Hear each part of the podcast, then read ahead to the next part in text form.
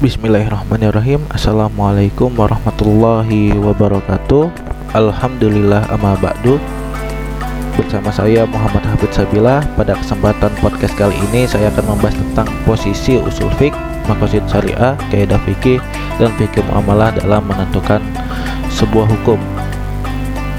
Baik sebelum jauh di situ Kita harus mengetahui bagaimana langkah para ulama menentukan sebuah hukum terhadap suatu permasalahan. Di sini saya mengambil perkataan Syekh Taqiyuddin Al-Albani yang menjelaskan bahwasanya dalam mengambil sebuah hukum itu ada tiga langkah. Tiga langkah itu di antaranya yang pertama memahami pokok permasalahan atau sebuah permasalahan secara detail karena suatu hukum itu harus dibahas melalui permasalahan yang detail agar hukumnya tidak keliru. Yang kedua adalah memahami dalil-dalil syariah atau dalil-dalil dalam hukum Islam. Di situ ada Al-Qur'an, ada hadis atau sunnah yang nantinya diambil sebagai dasar yang mana ini adalah usul fik dan kaidah fikih dan yang terakhir adalah istimbat hukum itu se sendiri ya Baik, langkah ke yang selanjutnya uh, sebelum kita mengetahui posisinya yang nanti akan dikomparasikan dengan contoh-contoh yang ada dalam fatwa DSN MUI, kita harus mengetahui apa sih keempat itu, bagaimana pengertiannya. Baik, di sini saya akan membahas terlebih dahulu tentang usul fik secara singkat. Usul fik berarti dasar pemahaman terhadap hukum syariah yang di dalamnya itu ada Al-Quran, hadis, ijma, dan kias. Selanjutnya ada kaidah fikih. Kaidah fikih sendiri adalah rumusan yang menjadikan patokan atau asas. Untuk itu kaidah fikih isinya ketentuan umum yang digunakan pada kasus-kasus yang mencakup dalam cakupan yang luas dan dapat diketahui status hukumnya yang ketiga ada makosid syariah. Makosid syariah itu sendiri adalah diambil dari bahasa Arab al maksud yang berarti tujuan dan syariah adalah hukum hukum Islam. Ya jadi makosid syariah adalah uh, tujuan dari terlaksananya sebuah hukum syariah itu sendiri. Yang mana di dalamnya itu ada ad-daruriyah al-khams lima hal yang dijaga kepentingannya dalam tujuan pelaksanaan hukum syariah itu sendiri. Dan yang terakhir ada fikih muamalah. Fikih sendiri berarti pemahaman terhadap hukum dan muamalah itu adalah interaksi sosial sesama manusia.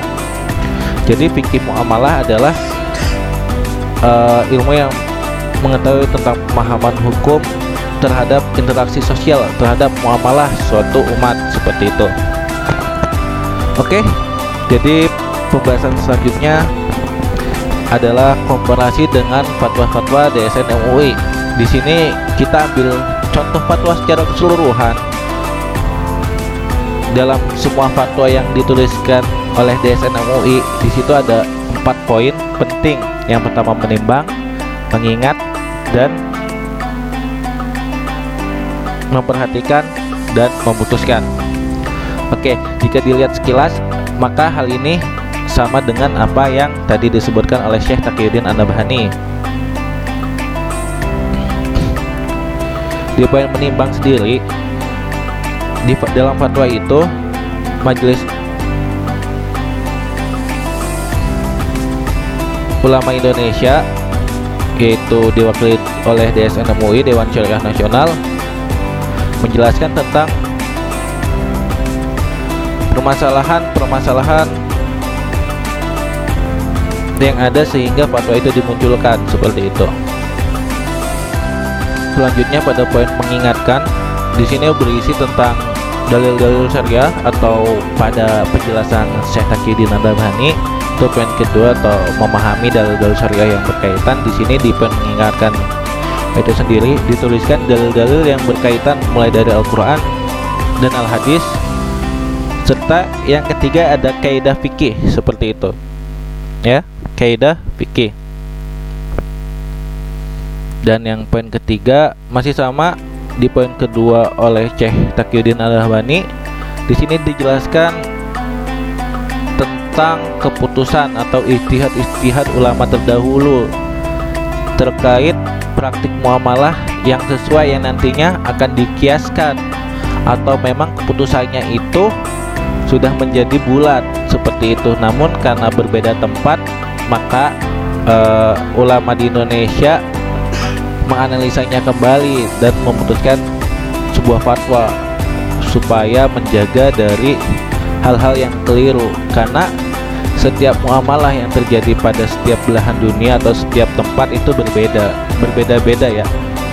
Muamalah yang ada di Indonesia tidak sama dengan muamalah yang ada di Arab itu bisa jadi dan sebuah mustahilan makanya Imam Syafi'i atau ada seorang ulama kontemporer juga mengatakan bahwasanya jika kau menanya suatu hukum, tanyalah ulama di tempatmu seperti itu. Maka dari itu, DSN MUI memperhatikan ijtihad-ijtihad yang telah ada dan dibuat oleh ulama-ulama internasional yang nantinya akan dibahas untuk poin selanjutnya yaitu poin memutuskan yang di dalamnya sendiri ada berupa ketentuan umum dan ketentuan khusus yang mana di sini adalah pemahaman tentang fikih muamalah. Fikih muamalah itu sendiri nanti digunakan untuk uh, mengetahui nih ketentuan umum adalah ketentuan yang siapa saja bisa menggunakannya seperti itu. Dan ketentuan khusus dan ketentuan yang harus diperhatikan dalam bermuamalah untuk menjaga kebolehan dari transaksi tersebut. Karena al aslu fil muamalah al ibahah hatta ya dulu dalilu an tahrimiha asal dari muamalah itu diperbolehkan sampai ada dalil yang mengharamkannya. Seperti itu. Jadi kesimpulannya untuk keempat posisi empat yang tadi itu semuanya sama saling berkaitan dan tidak bisa dipisahkan. Tapi dasar yang paling kuat adalah mengacu pada Al-Quran dan Al-Hadis atau As-Sunnah. Seperti itu. Kurang lebihnya mohon maaf. Sekian terima kasih. Uh, nantikan podcast selanjutnya tentang muamalah di channel ini Assalamualaikum warahmatullahi wabarakatuh